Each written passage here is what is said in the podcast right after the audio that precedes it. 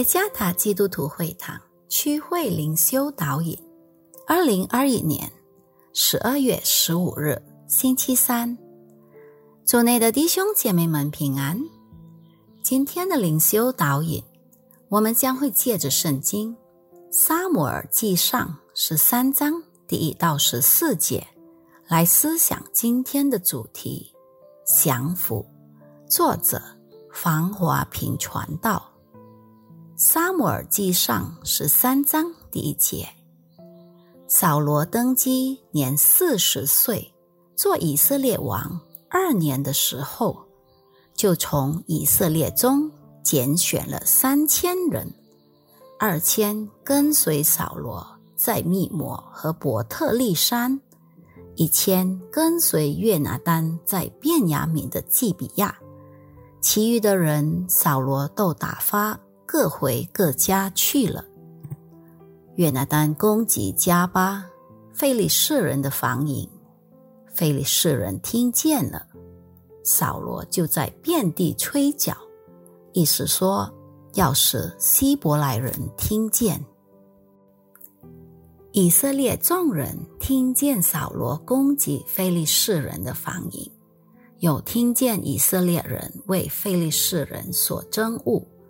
就跟随扫罗聚集在吉甲，非利士人聚集要与以色列人征战，有车三万辆，马兵六千，步兵像海边的沙那样多，就上来在伯亚文东边的密摩安营。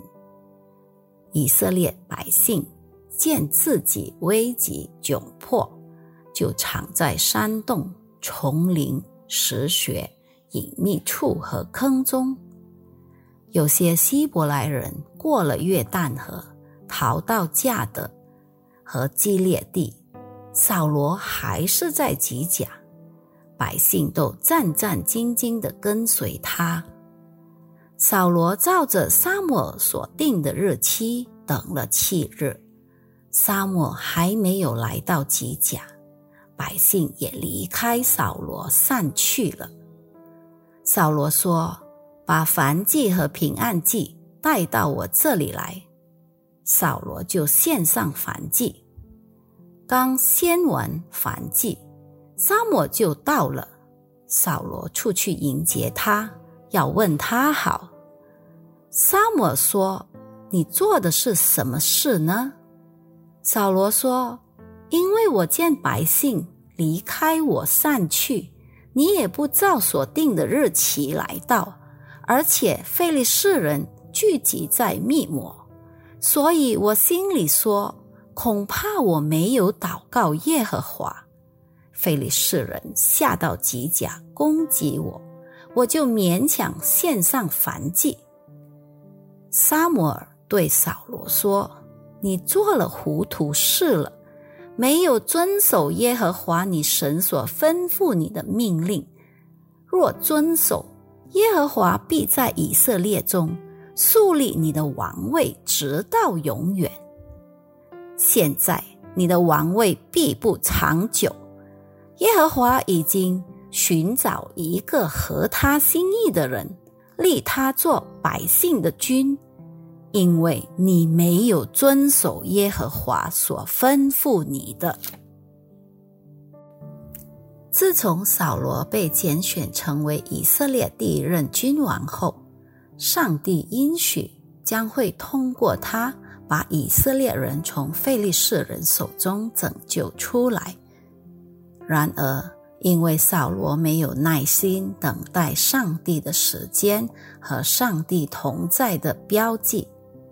他也没有等待先知沙摩先献上燔祭，在经文第九节中叙述了扫罗最后擅自献上了燔祭，这违背了上帝在沙漠记上第十章第八节中所命定的。这件事在上帝眼里是致命的错误。沙漠在第十三节中。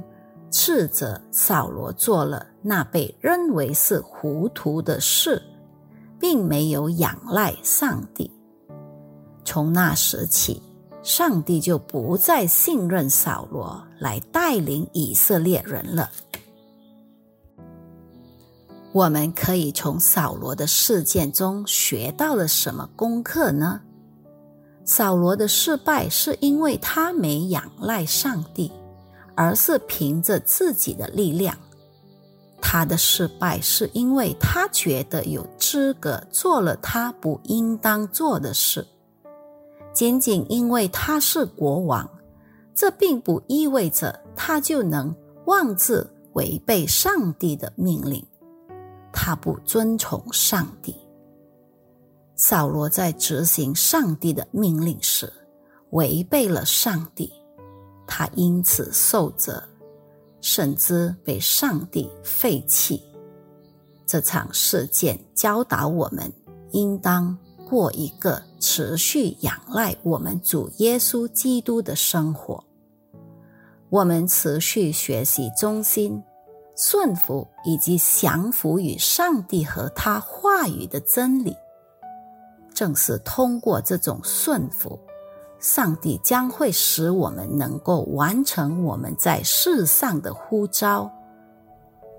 骄傲意味着想与上帝同等，谨防骄傲。愿上帝赐福于大家。